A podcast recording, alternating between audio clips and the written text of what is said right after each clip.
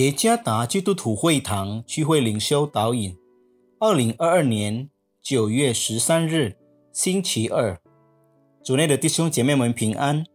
今天的领袖导引，我们要借着圣经约翰福音四章二十七到三十四节来思想今天的主题：遵行天父的旨意。作者彭卫国牧师。约翰福音四章二十七到三十四节，当下门徒回来，就希起耶稣和一个妇人说话，只是没有人说你是要什么，或说你为什么和他说话。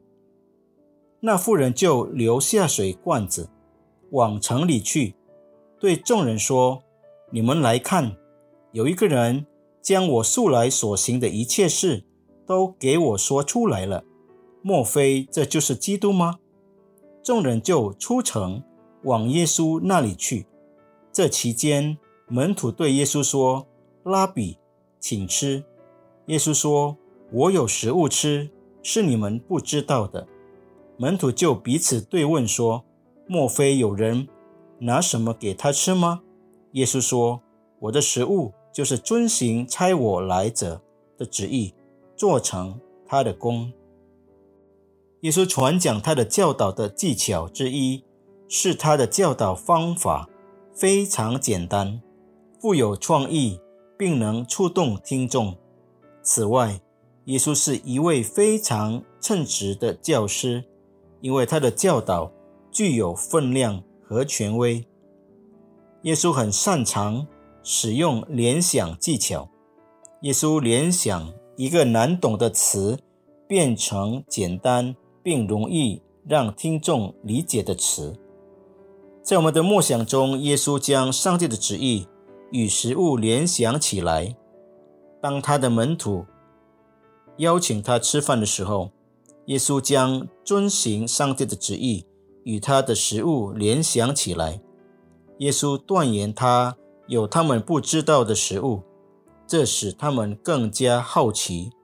他们以为。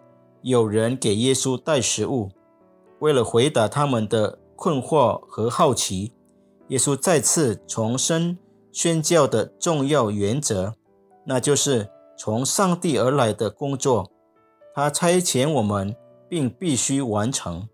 Jim Yos 曾经说过，宣教不是肇事逃逸的工作，意思是不负责任的完成。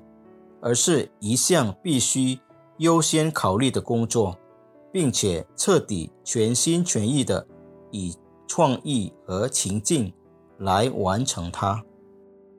耶稣与他所辐射的人的互动，比如撒玛利亚妇人，他按照那妇人的观念和理解程度，向他显现自己是基督的身份，结果非常有影响力。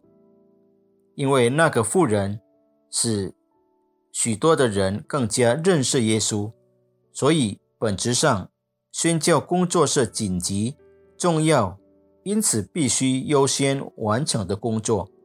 就像一个饥饿的人需要食物，从耶稣联想到遵行天父的旨意，就像他的食物时，那么这意味着我们需要并必须优先考虑。他与尽力完成他使者的使命是服从遵行他所受到的职责和命令，优先考虑和完成宣教的工作是每个基督门徒的责任。愿上帝赐福弟兄姐妹们。